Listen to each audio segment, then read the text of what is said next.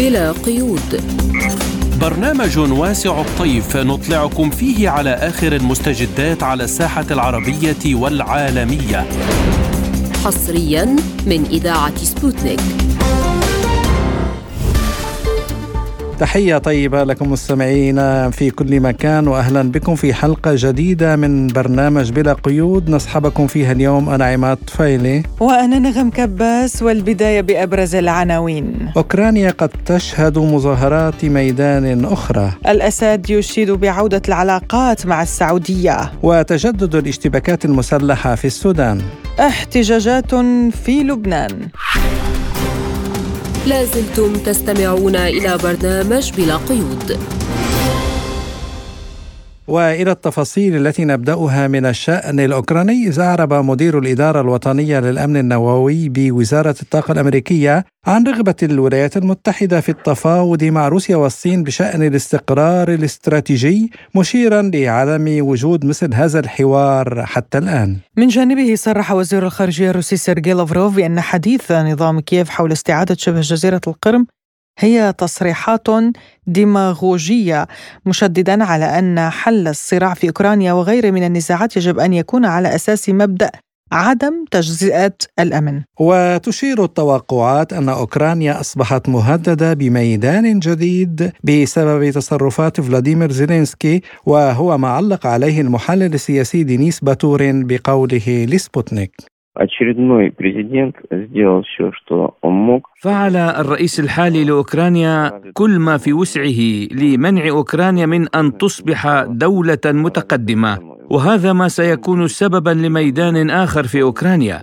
بالاضافه الى ذلك الاسباب التي قدمتها صحيفه بوليتيكو ايضا بما في ذلك الفساد وتجاره الاسلحه التي أعربت حتى الولايات المتحدة عن قلقها بشأنها. كل هذا سيكون أيضا الأساس في ذلك. إذا كان زيلينسكي قد ذهب إلى صناديق الاقتراع تحت شعار أنه رئيس السلام فقد أصبح رئيسا للحرب. فما الذي يمكنه أن يقدمه؟ مرة أخرى وأي إيديولوجيا وأي برنامج؟ وبدوره قال المحلل السياسي يوري كوت عندما تسمع تصريحات السياسيين الغربيين بشأن زيلينسكي فأنت تفهم أن الجزرات قد نفدت ولم يتبقى سوى العصا. عندما تسمع تصريحات السياسيين الغربيين بشأن زيلينسكي فسوف تعرف تماما أن الجزرات قد انتهت ولم يتبقى سوى العصا. إنهم يدفعون زيلينسكي إلى الهجوم كما يقولون لقد أعطيناكم الكثير من الأسلحة والكثير من المال لماذا لم تنهار روسيا بعد؟ ولماذا لم يتم إلى الآن الاستيلاء على موسكو؟ بالطبع محاولات الانقلاب ومحاولات الإطاحة بزيلينسكي ممكنة. مثل هذه المحاولات يمكن أن تكون وراءها أجهزة المخابرات الغربية بهدف معاقبة المذنبين وتنصيب لقيط آخر سيكون مستعدا لمواصلة إغراق أوكرانيا بالدماء. بدورها أعلنت سلطات دانيتسك أن الوحدات الروسية تسيطر على حوالي 90% من أرتيوموفسك باخموت وستتم حل مشكلة السيطرة الكاملة على المدينة في المستقبل القريب. ولمناقشة هذا الموضوع ينضم إلينا عبر الهاتف الخبير بالشأن الروسي الدكتور سمير أيوب. أهلا بك دكتور في بلا قيود.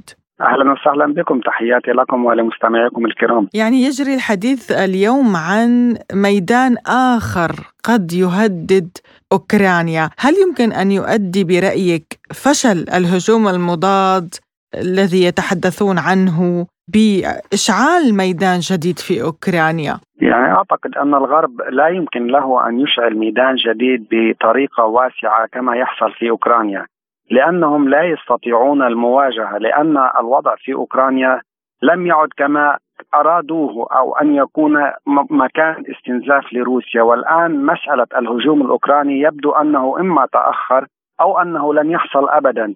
هذا ليس لأنهم لا يريدون هذا لأن كل الأسلحة وكل المعدات التي ترسل إلى أوكرانيا قد تم استنفاذها في الدول الأوروبية لذلك مسألة توسيع رقعة الصراع ليس من مصلحتهم آه، يمكن أن يلجأوا إلى عمليات استفزاز، إلى عمليات تفجير، إلى عمليات إرهابية، يمكن أن تكون داخل روسيا أو حتى داخل بيلاروسيا.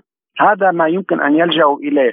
آه، وخاصة يعني هناك حديث كان عن الضغط على كوريا الجنوبية من أجل أن تسلم أسلحة أو ترسل أسلحة إلى أوكرانيا. هذا كل هذه المعلومات تدل على أن مصادر السلاح إلى أوكرانيا بدأ يجف واستمرار أوكرانيا في المواجهة مع روسيا في المستقبل المتوسط والبعيد لم يكن لم لن يكن لمصلحتها، لذلك بتقديري يعني الأوضاع الآن بدأت تستقر نوعا ما بالنسبة للطرف الروسي وهناك يمكن أن يكون يمكن أن تكون بالنسبة لروسيا استراتيجية جديدة إما بتوسيع العملية العسكرية والبدء بهجوم من قبل القوات الروسية وليس العكس انتظار هجوم من قبل القوات الأوكرانية. لأن الآن يعني الكرة بملعب الطرف الأوكراني مع الداعمين له. إما أن يرضى بما هو الآن موجود على أرض الواقع وبالحدود التي وصلت إليها القوات الروسية وبضم المقاطعات الأربعة إما التصعيد يعني التصعيد هنا لن يكن إلى جانب يعني الطرف الأوكراني والطرف الغربي لأنه كما قلت قبل قليل غير قادر حتى الآن. اولا نقص في المعدات العسكرية ثانيا استنزاف كبير وضخم للقوات الأوكرانية على جبهة ارتيومسك وكوبيانسك. كل هذه الفترة التي كان يستنزف فيها الجيش الأوكراني لم يعد قادرا على القيام بهجوم جديد أو حتى على المواجهة. لذلك هناك خسائر كبيرة في المعدات في يعني في المعدات وفي الأعداد. هذا كله يلعب دور لمصلحة القوات الروسية والتي كانت منذ فترة طويلة وكأنها هي في موقع الدفاع. والقوات الأوكرانية والجماعات يعني المتشددة النازية التي تدعمها هي تحاول القيام بهجمات مما كلفها خسائر كبيرة في المعدات والعداد والأعداد. لذلك أعتقد أن الأوضاع الآن مستقرة ويمكن أن تكون كما قلت لصالح روسيا في الفترة القريبة القادمة. طيب آه، أستاذ سمير يعني لم يستبعد رئيس كوريا الجنوبية إمكانية إمداد أوكرانيا بالسلاح، يعني ما هي مخاطر جر كوريا الجنوبية إلى الصراع في أوكرانيا؟ يعني إذا كانت كل الدول الأوروبية والولايات المتحدة الأمريكية استنفذت كل مخازنها من الأسلحة إن كان في في الولايات المتحدة على أراضي الولايات المتحدة أو في أوروبا أو حتى مستودعات الشرق الأوسط قد نفذت من الأسلحة. لا أعتقد أن كوريا يمكن أن تشكل أي يعني تغير في ميزان القوى نعم هو يمكن أن يكون محاولة أمريكية لزج كوريا في هذا الصراع بشكل مباشر ولتمكين التحالف الذي تريد بناءه. يعني هناك حلف الناتو وهناك حلف آخر تحاول الولايات المتحدة الأمريكية تشكيله في المنطقة شرق آسيا.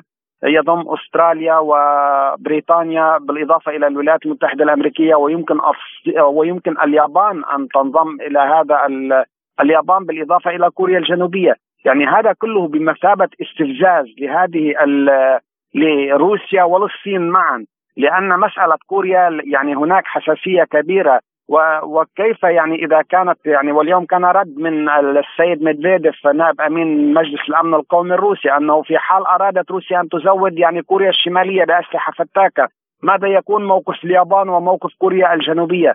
لذلك يبدو يعني أن هذا الشمالية أيضا آه، دكتور يعني كوريا الشمالية على خلاف مع آه، كوريا الجنوبية وعلى وفاق إلى حد ما مع روسيا. أيضا ربما هذا يؤثر على الجنوبية. صحيح بالتأكيد. يعني هذه كانت رسالة السيد ميدفيديف في هذا الإطار.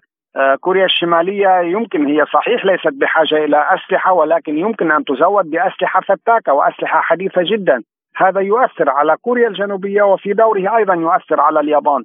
اذا كما قلت هذا يأتي يعني في في إطار الصراع والمناكفات والاستفزازات التي يقوم بها الغرب إن كان على جبهة شرق آسيا أو على الجبهة الغربية وكلا الجبهتين يعني هي موازية للحدود الروسية. يعني لا ننسى الوضع بين روسيا واليابان حتى الآن لا توجد معاهدة سلام.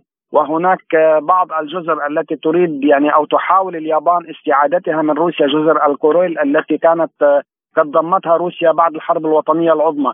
اذا كل هذه المسائل يعني كما قلت تدخل في إطار الصراع المستمر وعدم اقتناع الولايات المتحدة الأمريكية بأن مشروعها وسياستها التي كانت السابقه يعني آه، لا تريد أن تغيرها بينما روسيا والصين تريد أن تغير هذه السياسة وأن آه، يكون هناك عالم متعدد الأقطاب وليس عالم فقط للولايات المتحدة الأمريكية. طيب دكتور يعني الكرملين قال منذ قليل أنه المزيد من الدول ستبدأ بالانخراط في الصراع بأوكرانيا، يعني الولايات المتحدة لم تجند فقط يعني أشخاص وإنما دول تجند دول ضد روسيا. كيف سيكون شكل الصراع في حال تدخل دول جديدة؟ يعني تدخل دول جديدة كما قلت لا يمكن أن يؤثر على ميزان الجبهة يمكن أن يطيل أمد العملية. لكن يبدو يعني أن الدول المؤثرة عسكريا على الجبهة كما قلت لم تعد قادرة على المواصلة. هناك إنهاك لاقتصادها هناك يعني مشاكل اقتصادية مشاكل سياسية بدأت تعاني منها.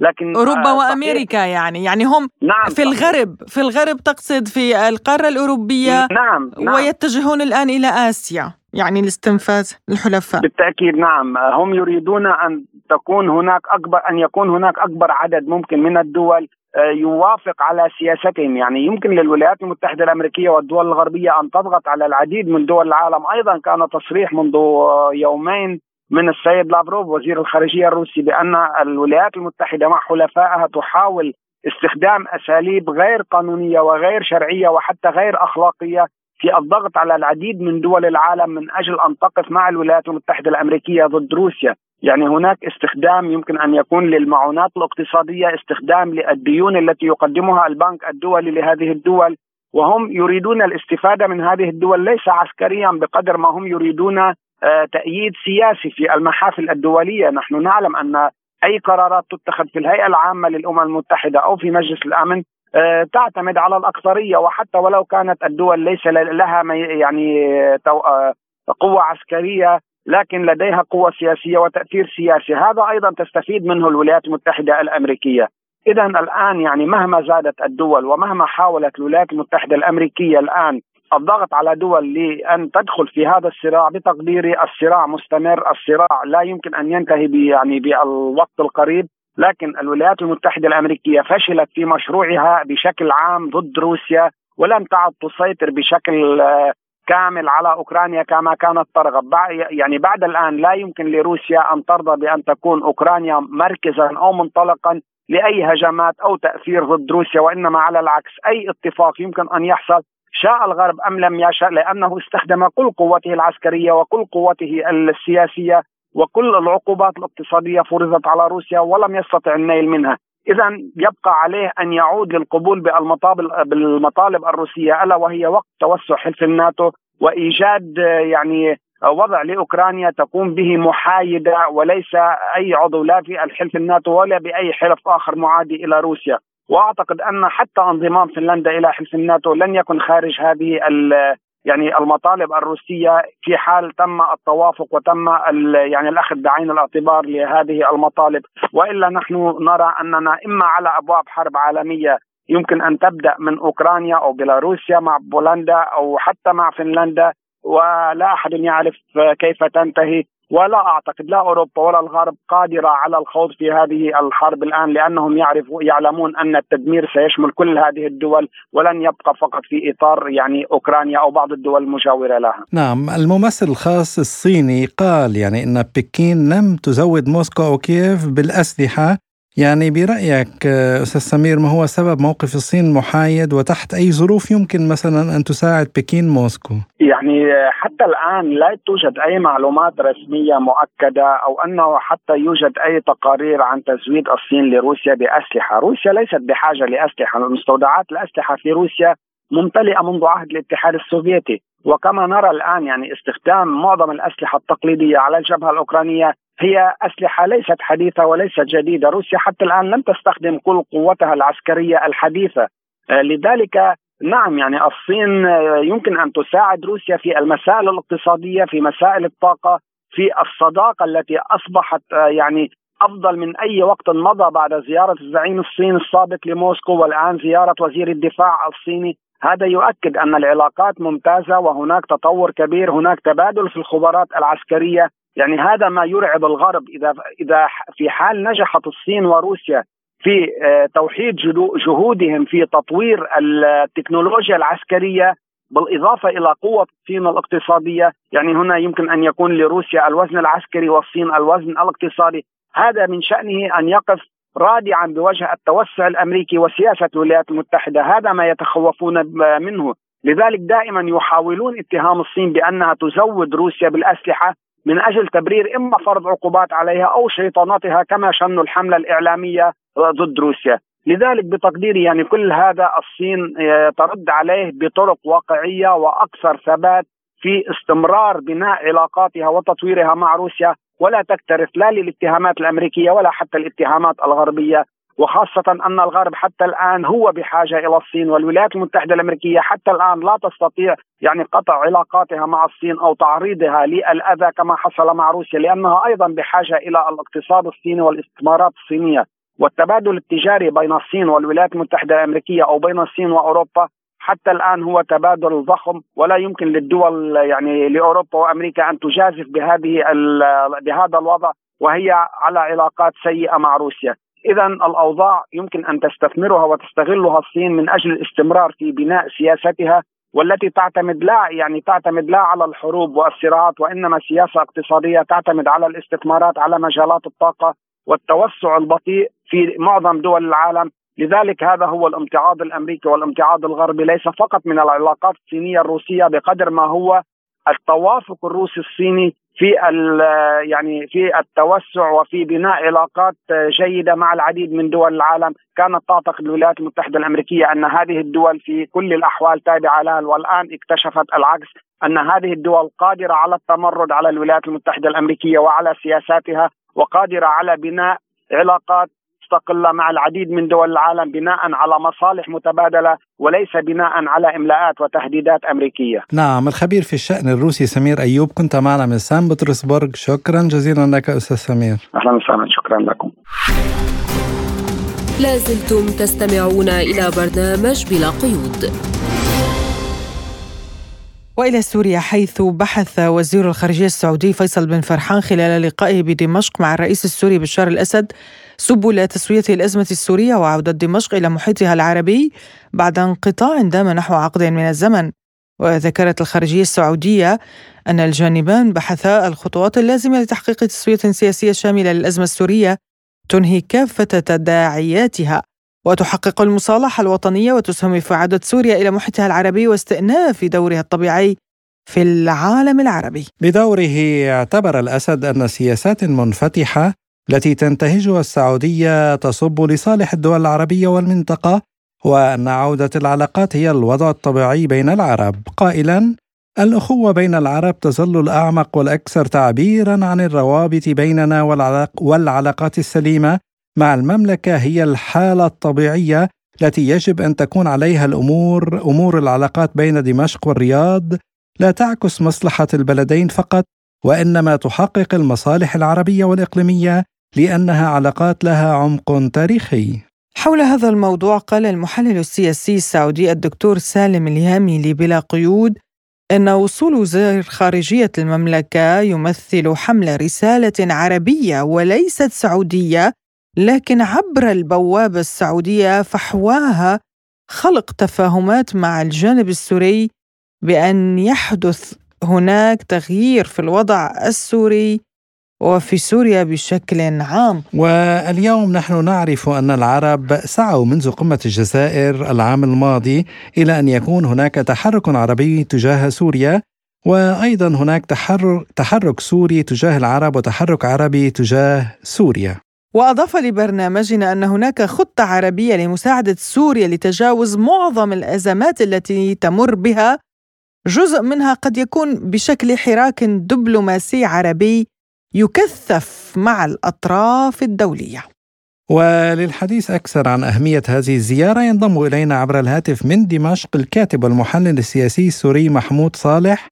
أهلا بك أستاذ محمود. يعني لماذا تؤجل الدول العربية قرار إعادة سوريا إلى جامعة الدول العربية؟ يعني أن هذه الزيارة ليس المهم فيها إن كانت سوريا ستعود إلى جامعة الدول العربية خلال القمة القادمة في الرياض أم ستتأخر بعد ذلك؟ أنا أعتقد يعني أن المهم في الزيارة هي عودة العلاقات بين سوريا ودولة مهمة مثل السعودية. كلنا يدرك أهمية المملكة العربية السعودية كدولة مؤثرة في المنطقة الإقليمية وأيضا في المشهد الدولي في في هذه المنطقة. المملكة العربية السعودية لها دور إقليمي في منطقة الخليج وأيضا في شمال أفريقيا وتلعب دورا مميزا. خصوصا الآن بعد أن يعني بدأنا نسجل مواقف مهمة للسعودية في محاوله هذا القرار السياسي والعلاقة مع الصين من خلال المصالحه مع الجمهورية الإسلامية الإيرانية من خلال الدولة روسيا الاتحادية أيضا. أصبحت هناك علاقات وأصبح هناك تفاهمات. بعيدة عن الإملاءات الأمريكية، كل هذه المعطيات تعطي أهمية كبيرة وزيارة وزير الخارجية من ضمن القضايا التي تم البحث فيها هي المساهمة في إعادة إعمار سوريا. وهذه مسألة مهمة جدا ويعني ولو أنها من باب من باب تسهيل عودة اللاجئين هذا يعني توفير المناخ المادي والاجتماعي لعودتهم. وهذا لا يمكن أن يتبدى إلا من خلال يعني إعادة إعمار ما تم تخريبه من قبل المجموعات الإرهابية في سوريا، المساله المهمه كلنا يعرف أيضا أن هناك يعني دور لعبته سوريا قبل زيارة وزير الخارجية. طبعا مع المملكة العربية السعودية.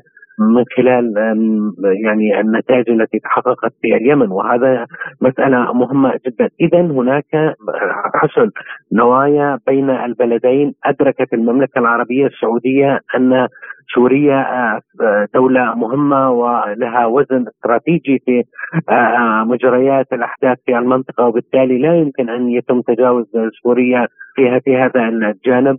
والأمر الآخر الأكثر أهمية أدركت كما أدرك الكثير من دول العالم أدركت المملكة العربية السعودية أن هذه الحرب التي شنت على سوريا كانت حرب ظالمة واستطاعت سوريا أن تنتصر على الارهاب، استطاعت سوريا أن تنتصر في هذه المعركة وبالتالي اليوم آه هذا إقرار آه هذا اعتراف من المملكة العربية السعودية كدولة مهمة على انتصار سوريا في محاربتها للارهاب. طيب برأيك أستاذ محمود هل يساعد التقارب السعودي السوري على حل المشكلات الاجتماعية والاقتصادية القائمة في سوريا يعني أكثر من عشر سنوات أكثر من 12 سنة. نعم بكل تأكيد قلنا أن المملكة العربية السعودية هي دولة محورية في المنطقة ومن الدول الأساسية في الوطن العربي. كثير من الدول العربية يا سيدتي بما فيها مصر مثلا ودول أخرى لا يمكن أن تتجه إلى سوريا إلا إذا كانت ترى يعني الضوء الأخضر من المملكة العربية السعودية ودول أخرى لعلاقات معينة يعني أيضا في في شمال أفريقيا مثلا دول يمكن أيضا أن تنتظر الإشارة من المملكة العربية السعودية لأننا قلنا أكثر من مرة أن المملكة العربية السعودية دولة مهمة ودولة مركزية في منطقة الشرق الأوسط وفي الوطن العربي. الجانب المهم أن السعودية أصلا لها علاقات كبيرة جدا من أيام يعني الملك عبد العزيز مع سوريا ويفترض أن يتم إعادة هذه العلاقات. والآن القيادة السعودية أعطت الإشارة إلى الجميع لعوده دعم سوريا. لذلك سنرى المسألة المهمة ستتبدى خلال الفترة القريبة هي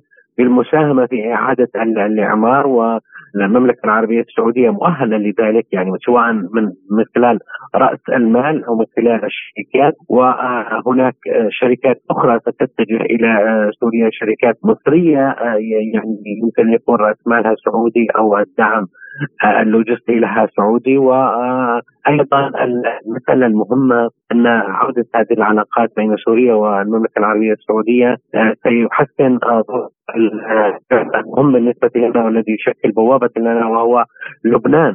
لأن أي تفاهم بين سوريا والمملكة العربية السعودية تاريخيا يعني ليس الآن عبر التاريخ. أي تفاهم بين البلدين سينعكس ايجابيا على لبنان، كلنا يعرف الوضع الآن في لبنان وبالتالي هذه العلاقة لن تنعكس فقط على سوريا ستنعكس أيضا على لبنان وعندما يتحسن الوضع في لبنان بالتأكيد هذا سيفيد سوريا كثيرا. المسألة الأخرى يعني رغم يعني أن البعض أحيانا يوحي بوجود تباينات بين الموقفين الأردني والسعودي لكن بالتأكيد الأردن لا يمكن أن تخرج من تحت العباءة السعودية باب تاريخية ودينية كثيرة وبالتالي ستنعكس ايجابا في هذا الجانب وإن أردت أيضا كذلك بالنسبة للعراق صحيح أن العلاقات بين سوريا والعراق يعني علاقات متميزة ولم تنقطع هذه العلاقات لكن أيضا هناك طيف واسع من المكون العراقي يعني يتماهى مع المملكة العربية السعودية وبالتالي هذا الطيف تستفيد سوريا من تحسن العلاقات بينها وبين السعودية من هذا الطيف. هل يمكن الحديث عن إنشاء بنية أمنية جديدة في المنطقة وإضعاف دور القوى الغربية؟ نعم أعتقد يعني أن هذا الموضوع تم بحثه بين الأصدقاء الروس والأخوة في المملكة العربية السعودية منذ البدء بالتحرك باتجاه التقارب بين الحوار بين الأصدقاء الروس والسعودية. وكان مفيد جدا يعني والان قطعت أي دعم وأي علاقه لأي من هذا ما أكد عليه السعودية الروس منذ بداية هذه وتم أيضا البناء عليه في المراحل السابقة وفعلا كانوا صادقين في ذلك. يعني وجدنا أن الأخوة في المملكة العربية السعودية انهوا أي ارتباط أو أي وجود أو أي دعم للمجموعات الإرهابية المتواجدة في سوريا. هناك وضع مختلف والكل يدرك ذلك. يعني أن وقوف المملكة العربية السعودية وتأكيدها على وحدة الاراضي السورية وضبط الأمن ودعم الحكومة الشرعية في البلاد. السيطرة على كل الأراضي هذا يحقق آه، شيء مختلف في منطقة الجزيرة لأن آه، كلنا يعرف أن آه، في مرحلة من المراحل كان للسعودية دور يعني في الوجود الأمريكي أو في وجود ما يسمى فساد. هذا سينتهي. أنا أعتقد أن هذا سينتهي الأيام القادمة نتيجة التفاهمات بين سوريا والسعودية. وأيضا يعني رفع الغطاء عن أو الضغط على الدول التي تقدم الدعم الدعم للمجموعات المتواجدة في إدلب. آه، هذا أيضا سيكون مهم آه، جدا. إن لم نشهد أيضا دعم مباشر دعم أمني مباشر سعودي لسوريا آه، وهذا وارد طبعا وهذا ممكن أن تقدم السعودية دعم مباشر دعم أمني لسوريا في في يعني اجتثاث المجاميع الإرهابية في كل هذه المناطق. المسألة الأخرى مهمة جدا السعودية تضغط الآن باتجاه إنهاء وجود داعش في منطقه وفي محيط القاعدة الأمريكية وأيضا هذا جانب مهم جدا لأن آه، كلنا يعرف أن في داعش ارتباطات بعض رجال الأعمال السعوديين نعم. الكاتب والمحلل السياسي السوري محمود صالح كنت معنا عبر الهاتف. شكرا لك. وللمزيد أيضا عن نفس الموضوع ينضم إلينا عبر الهاتف الكاتب والمحلل السياسي الدكتور عايد المناع. أهلا بك دكتور في برنامجنا. ونسأل حضرتك يعني كيف ستؤثر هذه الخطوة على سوريا نفسها والمنطقة ككل برأيك؟ أنا أعتقد أنه الانفتاح على سوريا سواء من قبل السعودية ومن قبل الإمارات قبلها أعتقد حتى تونس. يعني بعض الدول العربية الحقيقة بدأت تعيد العلاقات مع آه، نظام الرئيس بشار الأسد. هذا الحقيقة يرفع معنويات النظام آه، يهيئ لإمكانية تقديم مساعدات في تجاوز الصعوبات الاقتصادية التي تعاني منها سوريا. هذا من جانب الحقيقة المالي والاقتصادي. أيضا يعني يعطي انطباع للسوريين المتواجدين في الخارج بأن موضوع إسقاط النظام لم يعد خيارا مطروحا وإنما التعامل مع النظام كنظام أمر واقع آه، أصبح يعني توجها عربيا بهذا الاتجاه لا تعارضه الا قلة.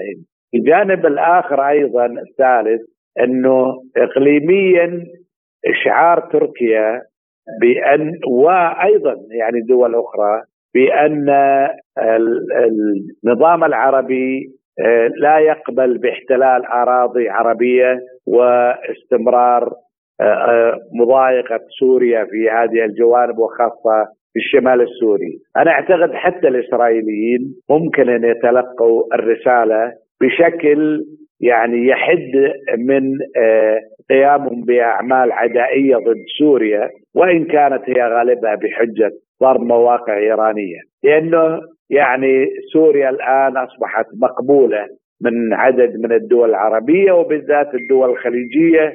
آه، بعض هذه الدول أقامت علاقات مع إسرائيل مثل الإمارات والبحرين. ولا أعتقد أن إسرائيل تريد أن تخسر.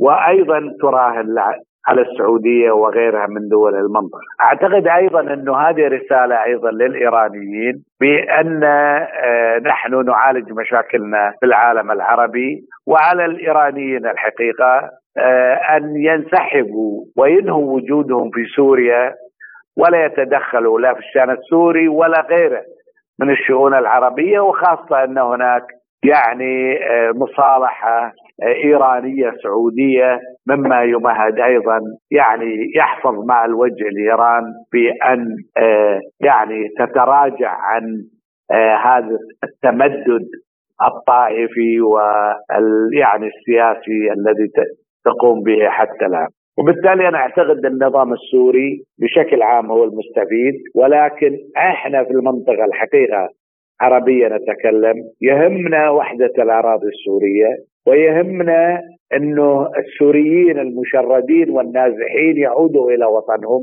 ويهمنا أيضا إعمار سوريا ولتكون يعني ممكنة لمواطنيها بأن يسكنوا ويعيشوا بنفس الوقت. حقيقة لابد وأن يدرك النظام السوري أنه نظام أمر واقع وليس نظاما ديمقراطيا مقبولا وبالتالي عليه أن يعمل على إصلاحات تضمن حرية اختيار السوريين لنظام الحكم الذي يناسبهم.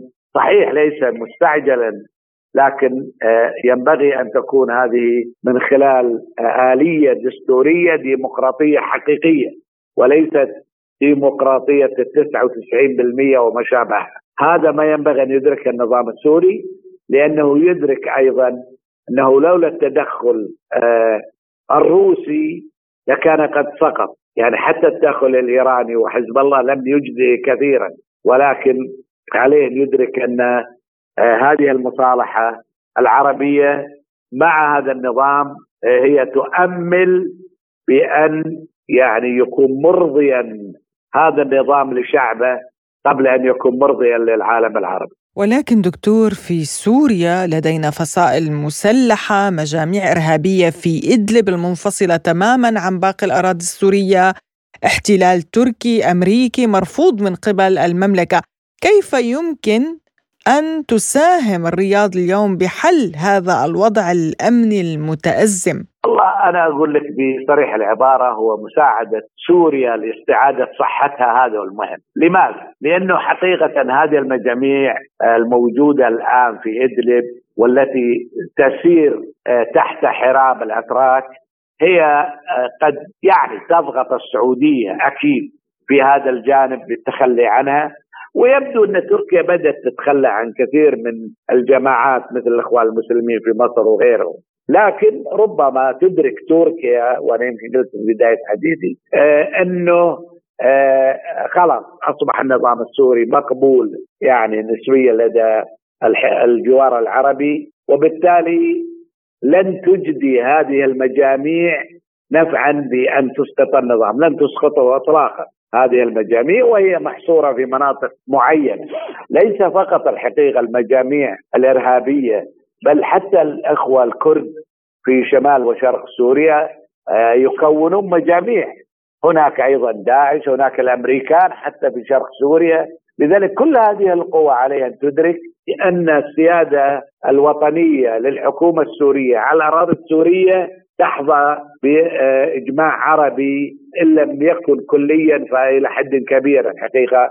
وعلى الآخرين أن يحترموا وحدة الأراضي السورية. طبعا أنا أعتقد إنه لا أحد يتفق مع التنظيمات الإرهابية اطلاقا. السعودية من أول الدول الحقيقة في عهد آه، قبل عهد الملك سلمان في عهد الملك عبد الله آه، صنفت عدد من التنظيمات بأنها إرهابية بما فيها الإخوان المسلمين وجماعة داعش والقاعدة وحزب الله وغيرها من التجمعات فايضا على النظام السوري انه التنظيمات التي جاءت عن طريق إيران زي نبيون وأسماء أخرى الحقيقة وحزب الله وغيرها هذه علي علي النظام أن يطلب منها بأنها تغادر وتتجنب التواجد في سوريا لأسباب طائفية أو ما شابه أو مسلحة. دكتور عايد يعني كيف سيحاول الغرب وخاصة الولايات المتحدة إخراج هذه العملية عن مسارها؟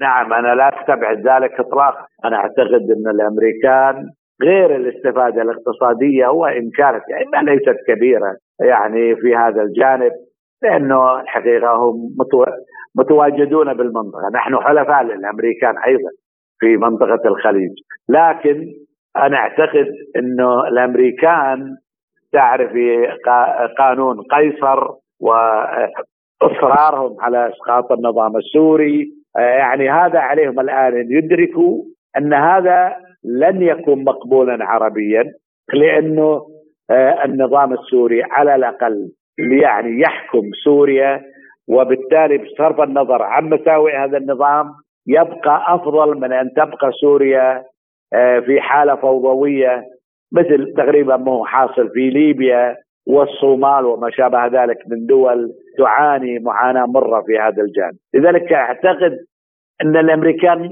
لن يكونوا يعني عدائيين إلى درجة التي هم عليها حتى الآن في المستقبل. الكاتب والمحلل السياسي الدكتور عايد المناع شكرا لك على هذه المداخلة. لازلتم تستمعون إلى برنامج بلا قيود. وإلى السودان حيث تتواصل اليوم الخامس على التوالي اشتباكات عنيفة واتهامات متبادلة بين قوات الدعم السريع التي يقودها محمد حمدان دقلو وقوات الجيش السوداني بقيادة عبد الفتاح البرهان فيما حذرت وزارة الصحة السودانية من أن 16 مستشفى خرجت من الخدمة وأن العدد مرشح للزيادة في حال استمرت المواجهات بين الجيش وقوات الدعم السريع. وشددت الوزارة على ضرورة إيقاف العمليات المسلحة وإشعال النيران التي طالت المرافق الصحية في ولاية الخرطوم والتي تواجه انهيارا كاملا في القطاع الصحي العام والخاص.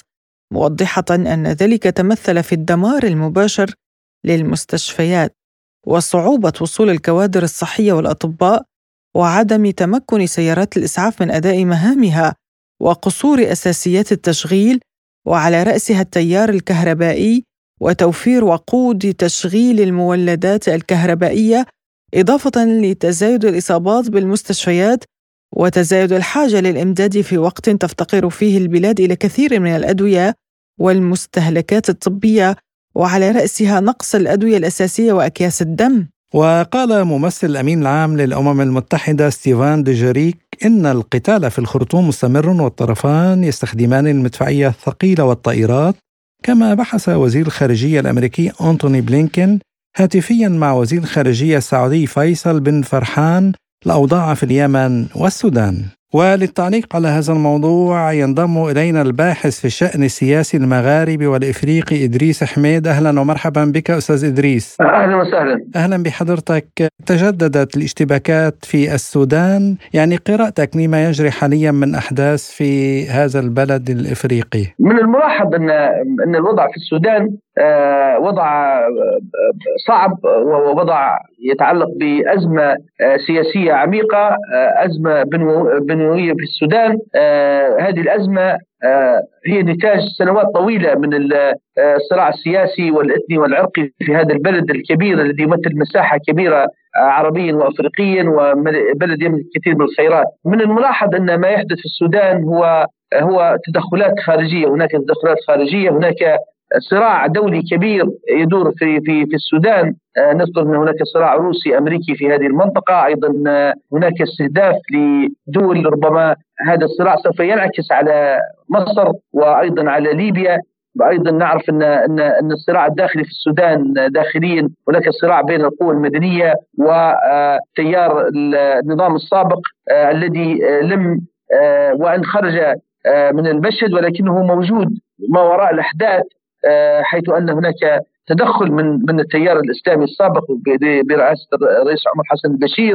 آه، ونعرف أن الجيش السوداني هناك انقسام بين أطراف تؤيد هذا النظام وبين أطراف في الجيش السوداني آه، تريد نسيان هذا الماضي وأيضا البحث عن استقرار السودان. وهذا ما جعل أيضا قوة الدعم السريعة سيد حمدان دبلي وهو أحد أطراف الصراع سواء في دارفور أو ما يحدث الآن طبعا. الالتجاء إلى إلى ضرورة تسليم الحكم للمدنيين. نعرف إن الرئيس البرهان عبد الفتاح البرهان قام بحل الحكومة ووعد بإجراء انتخابات. نعم نعم أستاذ يعني أستاذ إدريس يعني اليوم تقول بأنه لا يوجد حكم مدني في السودان وإنما عسكري ولكن اليوم العسكرة تزداد سوءا وهي آه، بين القوات المسلحة الرسمية وبين قوات الدعم السريع. ما هي الشروط المطلوبة برأيك للخروج من هذا الصراع العسكري العسكري؟ نعم الشروط واضحة الشروط هو تسليم الحكم للمدنيين لأن الثورة التي قامت على نظام حكم عمر البشير قام بها المدنيون وأحزاب مدنية وقوى وطنية مدنية آه، تطالب بتسليم الحكم للمدنيين لأن طرفي الصراع هم أيضا متهمون بجرائم في دارفور وأيضا هم ورثة النظام السابق سواء السيد آه، حمدان دبلو أو السيد عبد الفتاح السيسي أو السيد ومن يستطيع ومن يستطيع الضغط عليهما على كلا الطرفين لوقف هذا الاقتتال و التوجه إلى المدنيين إلى صناديق الاقتراع. نحن تعودنا وعرفنا ان الشعب السوداني شعب دائما كان له دور في في الخروج للشارع وقلب الحكام. ابتداء من حكم عبود في الستينات إلى الثورة على النظام النميري إلى الثورة أخيرا على نظام عمر البشير اللي استمر 30 عاما. ولكن من الملاحظ ان أن القتال واشتداد القتال ربما جعل المدنيين يتراجعون أو يخافون من ما يحدث من هذا. ولكن تعودنا الشارع السوداني له مطالبات كبيرة واجه الرصاص وخرج إلى الشارع. هناك يجب أن تكون إرادة سودانية لأن هناك تدخلات إقليمية ودولية في السودان. لا نعتقد أن المشكلة في السودان هو الصراع بين هذه الأطراف. نعم هو صراع بين الأطراف والصراع من أجل استقرار السودان ولكن هناك تدخلات خارجية كبيرة. يعني وفي هذا الصدد أستاذ إدريس اسمح لي أسألك يعني هل يمكن القول أيضا أنه هذا الصراع آه، هو أي مخطط؟ من أجل زعزعة استقرار المنطقة مثلا يعني الأحداث التي تجري في السودان تدخل في سياق هذا المخطط؟ نربط هذا بما يحدث في أوكرانيا. نعم السودان قسم بجنوب السودان ودولة السودان شمال السودان. هذا مخطط وهذا استمرار للمخطط لأن السودان هذا البلد العريق يعاني منذ سبعين سنة عدم عدم الاستقرار. بالفعل هناك تدخل أو هناك استهداف لمصر. سوف تتأثر مصر جمهورية مصر بهذا الأمر تتأثر ليبيا. هذا مخطط هناك صراع يعني دولي في السودان وأيضا صراع في أفريقيا. ولعل ما يحدث في السودان هو جزء جزء من هذا المخطط لأن نعرف أن ما يحدث الآن في العالم هناك متغيرات جديدة هناك صراع كبير. لا يعتقد المتلقي أو السامع أن أنه صراع داخلي. نعم هناك داخل صراع داخلي ولكن هناك تغذية لهذه الأطراف آه، من قبل آه، أطراف خارجية من أجل ربما تقسيم السودان أيضا مزيد من التقسيم للسودان وهذا أمر يعني حقيقة أمر الصراع كبير يحتاج إلى إلى إلى تحاليل ويحتاج إلى دراسات ويحتاج إلى إلى بحث لأن هذا أمر أمر أمر كبير جدا. العالم الآن يسير آه، نحو توترات كبيرة أن يسير إلى وجود أقطاب جديدة. نعرف أن الصين موجودة في السودان وفي أفريقيا روسيا أيضا موجودة في أفريقيا. وهذا صراع صراع الكبار حول هذه صراع الكبار آه، أستاذ إدريس. نعم حول هذه القارة الغنية بالثروات كيف يمكن أن تكون العواقب إذا تدخلت الولايات المتحدة؟ واضح أن الولايات المتحدة ستتدخل لأنه تم الاتصال بين وزير الخارجية بلينكين ودقلو آه، آه، هذا يعني أن هناك صراع وجود بين القوى الكبرى كما قلت حضرتك. في حال تلقي آه، دقلو وقواته يعني مساعدات من أمريكا طائرات غطاء جوي مسيرات. كيف سيكون وجه الصراع؟ نعم هو الصراع الآن يدور يدور داخل داخل المدن وهذا له مخاطر كبيرة على المدنيين. أعتقد ان ان إن الولايات المتحدة الأمريكية تدير لعبة كبيرة في في هذا العالم وفي هذه وفي هذه المنطقة. أعتقد ان إن الولايات المتحدة الأمريكية طلبت من مصر مساعدة الجيش السوداني. وحسب ما ورد أن السيد حمدان دبلو طبعا هو ميليشياوي يقود يقود هذه القوات وكان له كان له إشكاليات وكان له إشكاليات كبيرة في في الصراع في السودان في منطقه دارفور أيضا يتلقى الدعم من من من دول أخرى ولعل من من شأن امدادهم بالسلاح هو زيادة زيادة الاقتتال وصب النار على على الحطب كما يقولون. لذلك تأجيج الصراع. لذلك نعتقد إن إن ما يحدث هو مقدمة لرؤيه جديدة وصراع جديد. بدأ في القارة الأفريقية وفي هذا البلد الحيوي والمهم الذي يربط العالم العربي بأفريقيا وبشرق أفريقيا وبالممرات المائية وأيضا بلد يملك كثير من الثروات وبلد يعني يعاني منذ سنوات من من صراعات والحرب الأهلية والخلافات العرقيه والأثنية. أستاذ إدريس يعني ما هو السيناريو المرتقب لتطور الأحداث في السودان؟ وبرأيك هل أن الأمور تتجه نحو التصعيد أم على العكس يعني؟ نعم آه، أنا أعتقد أن بهذا النهج الأمور سوف تزداد صعوبة وتتوجه تتجه نحو التصعيد. آه، لأن المراد والمطلوب هو خلق توتر، هناك توتر في ليبيا. الآن هناك توتر في في في في السودان وربما ينتقل إلى دول أخرى، يعني هذا كما ذكرنا هو صراع كبير، هناك نربط بما يحدث في أوكرانيا تدخلات كبيرة صراع فرنسي أمريكي روسي صيني. يعني صراع كبير جدا في في هذه في هذه المنطقة. نعرف أن السودان أيضا لها علاقات مع روسيا الاتحادية. أيضا هناك يعني انسحاب فرنسي وخسارة خسارة لفرنسا في في عدة أقطار أفريقية. فهذا هو صراع كبير يعني صراع سياسي اقتصادي. نعم شكرا جزيلا لك الباحث في الشأن الأفريقي والمغاربي إدريس أحمد. شكرا لك. شكرا جزيلا أستاذ إدريس. شكرا شكرا شكرا. لازلتم تستمعون إلى برنامج بلا قيود. وإلى لبنان حيث تجددت المواجهات بين المتظاهرين وقوى مكافحة الشغب في محيط السراي الحكومي وسط العاصمة اللبنانية بيروت فيما أطلقت القوى الأمنية الغاز المسيل للدموع لتفريق المتظاهرين الذين حاولوا إزالة الشريط الشائك بمحيط السرايا الحكومي. التفاصيل مع مراسل سبوتنيك في لبنان عبد القادر الباي. نفذت مجموعات من حراك المتقاعدين العسكريين ومتقاعدي الإدارات العامة اعتصاما في ساحة رياض الصلح بالتزامن مع انعقاد جلسة لمجلس الوزراء حيث جرى دراسة زيادة الرواتب للقطاع العام. ووسط انتشار أمني كثيف لقوات الأمن الداخلي وقوات مكافحة الشغب والجيش اللبناني وصل المحتجين إلى ساحة رياض الصلح بالإضافة إلى أن مجموعات أخرى أغلقت كافة المداخل المؤدية إلى مجلس الوزراء وحاولت مجموعة من المتقاعدين اجتياز الشريط الشائك للدخول إلى السراي الحكومي. الأمر الذي دفع القوات الأمنية والعناصر المولجة بحفظ الأمن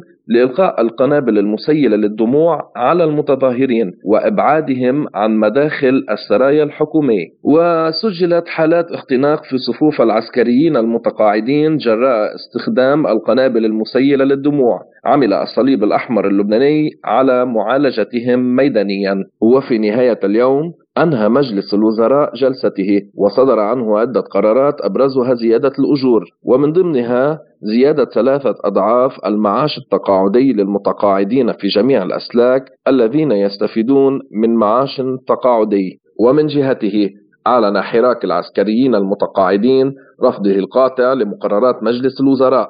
مؤكدا أنه لن يتنازل عن حق الموظفين والمتقاعدين في زيادة أجور تراعي نسبة التضخم ومؤشر الغل ومؤشر غلاء الأسعار وتضمن لهم العيش بكرامة، كما وأنه لن يتنازل عن تطبيق القانون بحذافيره فيما يتعلق بالفارق بين الراتب والمعاش التقاعدي ورفع الحد الأدنى للزيادة لإنصاف ذوي الدخل المحدود. في الوقت نفسه صادق البرلمان اللبناني خلال جلسة تشريعية خصصت لمناقشة مشروع الموازنة لعام 2022 على زيادة أجور موظفي القطاع العام الحكومي والعسكريين والمتقاعدين بثلاثة أضعاف. حول هذا الموضوع قال هزاع خير الدين وهو أحد المتقاعدين العسكريين أول شيء بنوجه نحن كلامنا لهي السلطة هيدي هي القرطة هيدي القرطة الحرامية الموجودة عندنا هودي هي القرطة الموجودة عندنا مش موجودة بأي دول من دول العالم. لا بكولومبيا ولا بفنزويلا ولا بأي دولة موجودة بدول العالم. سرقوا ما خلوا شيء نهبوا مصريات البلد ونهبوا ثروات البلد وعملوا كرتلات نفط وكرتلات أدوية وكرتلات مواد غذائية وأكلوا البحر والنهر والجبل والرمل وال... وال... وأكلوا الحجر بعد شوي أكلوه. ما خلوا شيء. سرقوا مصريات في دولة بالعالم نهبوا نهبوا مصريات العالم جنى العالم رزق العالم نهبوه نحن مصرياتنا نهبون وآخر شيء رجعوا يدقوا بالموظفين وبده ينهبوا الموظفين. يعني بعد في الموظفين اللي بالقطاع العام ما نهبون. نحن شو عم نطالب فيه؟ بدنا عيش بكرامة وعيش ونحيد ونعيش حياتنا بكرامة. بدنا طبابه أهم شيء الطبابه وبدنا تثبيت معاشات خدمنا 30 سنة بهالبلد هيدا وحافظنا على البلد هيدا. نحن ما عندنا لا طائفية ولا سياسية. هودي هن بيشتغلوا على الطائفية وبيشتغلوا على الدم لأنه هودي هن تجار دم. هن من الأساس تجار دم وقعدوا على الكراسي. لو ما هذا الشعب أجل سمعين الحمار يعني مضطرين إنه عنه عنه حمار جاب هيدي السلطة هيدي كلها سوا حتى تتحكم بهالعباد بس في ناس مستفيدين وفي ناس مش مستفيدين. بس ايمتى بدنا نخلص من هالقرطة هيدي ما حدا عارفين. في رب العالمين هو بيخلصنا أو شي زلزال مثل اللي اجى بتركيا يخلصنا من هالبشر. يمكن نروح فيه ما مشكلة بس يمكن أولادنا يعيشوا بحياة كريمه فهذا اللي بدنا إياه. هاي السلطة الفاسدة بدنا حقنا بدنا حقنا وبدنا حق عيالنا. غصب عن اللي خلفهم غصب عنهم لأنه هيدا حقنا. ما هن بيجوا أربع سنين وخمس سنين وبيفلوا على البيوت وهم معهم باسبورات وبيفلوا على دول أوروبية تحويل الدول الأوروبية. نحن باقيين بهذا البلد أولادنا بده يعيشوا بهذا البلد وبدنا نموت بهذا البلد. أكثر من هيك مش رح نقول لهم. بس إذا ما رح يعطونا حقوقنا كل حادث له حديث. ساعتها رح نضطر نتعامل معهم بطريقة غير طريقة. يا قاتل يا مقتول. من نهاية الأمر يا قاتل يا مقتول. يوم نعيش بكرامة يوم نموت بكرامة. يعني بعد شوي رح نخلونا نطلع عن طورنا ونعمل أعمال ما حدا عملها. اسمها الزعخير الدين أما المتقاعد العسكري الآخر مهنس خروزيان قال لسبوتنيك. نحن جايين سلميا نحن ما بنخرب الدنيا. جايين طالبين طالبين حقوقنا. الحب حقوق مكتسبة. زلونا بهدلونا بعد هالخدمة. تعليمي أقل عسكري أقل أقل ضابط. عمره فوق الستين سنة. قاعدين يتعاملوا معنا عم نطالب بحقنا بكرامتنا. اليوم معاشنا بيعبينا تنكة بنزين وبيجيب لنا جرة غاز ومن بعدنا مكسورين. اللي عنده اللي شهدة اللي عنده عيلة برقبته جوزه شهيد. معاشاتهم أنجا شو شو ناويين علينا. وين كرامتنا؟ وين وين السياسة اللي كانوا مستندين إنه عالم بيعيشوا بكرامته؟ أعطونا ثلاث معاشات من هون. علوا تسعيرة صارت التسعيرة 9000 رجعوا سناولوا من هاي. ساعة بيغلوا التليفون. ساعة بيغلوا المي. ساعة بيغلوا الإيجارات. دولار بتفوت على سوبر ماركت. كل تسعيرة على الدولار. يقبضونا بالدولار. خلي خلينا نعرف حالنا نحن وين عايشين. بأمريكا؟ وين عايشين؟ أنا بفضل روح أمريكا بس حظي حلو جابوا أمريكا لعنا بلشنا نتعامل بالدولار هلا. هيدا هيدا شيء شيء منيح. من جانبه قال الخبير الاقتصادي الدكتور ايليا الشوعي لبرنامجنا عن السبب الذي أدى إلى رفض المتقاعدين العسكريين والموظفين في القطاع العام. هذه الزيادة من قبل مجلس النواب؟ شوف بلبنان كل التصحيحات اللي عم بتصير بالليرة اللبنانية لا قيمة لها. إن كانت ضعفين أو ثلاث أضعاف أو أربع أضعاف أو أكثر للأجر الحالي أو لتعويض نهاية الخدمة أو لمعاش التقاعد. لا قيمة لها على الإطلاق لأن لبنان ليس آه، بلدا معزولا عن العالم. هو بلد ذات اقتصاد حر منفتح على العالم الخارجي. يتبادل سلع وخدمات مع العالم الخارجي يستورد يصدر وبالتالي هو بحاجة إلى عمله صعبه وهذه العمله الصعبه هي أكبر ضمانه للقدرة الشرائية للدخل الأسري وللأجر الفردي. نحن في غياب كل الاحتياطات أو المدخرات التي تخص اللبنانيين وبالعمل الصعبة من المصاري فقدانا بهذا الشكل الفاضح والوقح بواسطة التعدي السافر على الحقوق المالية للبنانيين أفرغ البلد أفرغ البلد من المدخرات من الرساميل بالعملات الصعبة والتي وصلت إلى 120 مليار دولار بالدولار مودعة في البنوك. فضلا عن إنه الدولة اللبنانية أعلنت افلاسها سنة 2020 وعجزت عن تدفع مليارين و200 مليون دولار لاستحقاق ديون خارجية على اليورو بونز بينما سمحت الحكومة آنذاك بأنه آه، أن تعتمد أو أن تمضي قدما في عملية دعم كلفت آه، البنك المركزي ومن وديعنا ما لا يقل عن 12 إلى 13 مليار دولار. ومن أفاد من ذلك الدعم لم يفد اللبنانيون كفاية إنما كان التهريب هو سيد الموقف تهريب عبر الحدود. معناتها المهربون والنافذون. هذا عم بقول هذا الكلام لأقول إنه آه، آه، الكل لازم يعي بلبنان. إنه مهما مهما تمت زيادات أو أعطيت زيادات على المعيشات التقاعد على المعيشات على الأجور على إلى آخره تعويضات هذه كلها لا قيمة لها. لأنه هيدي كلها عم بتزيد الكتلة النقدية بالليرة التي ارتفعت بشكل مثير من 2016 عندما كانت فقط 6 تريليونات ليرة اليوم إلى أكثر من 90 تريليون ليرة.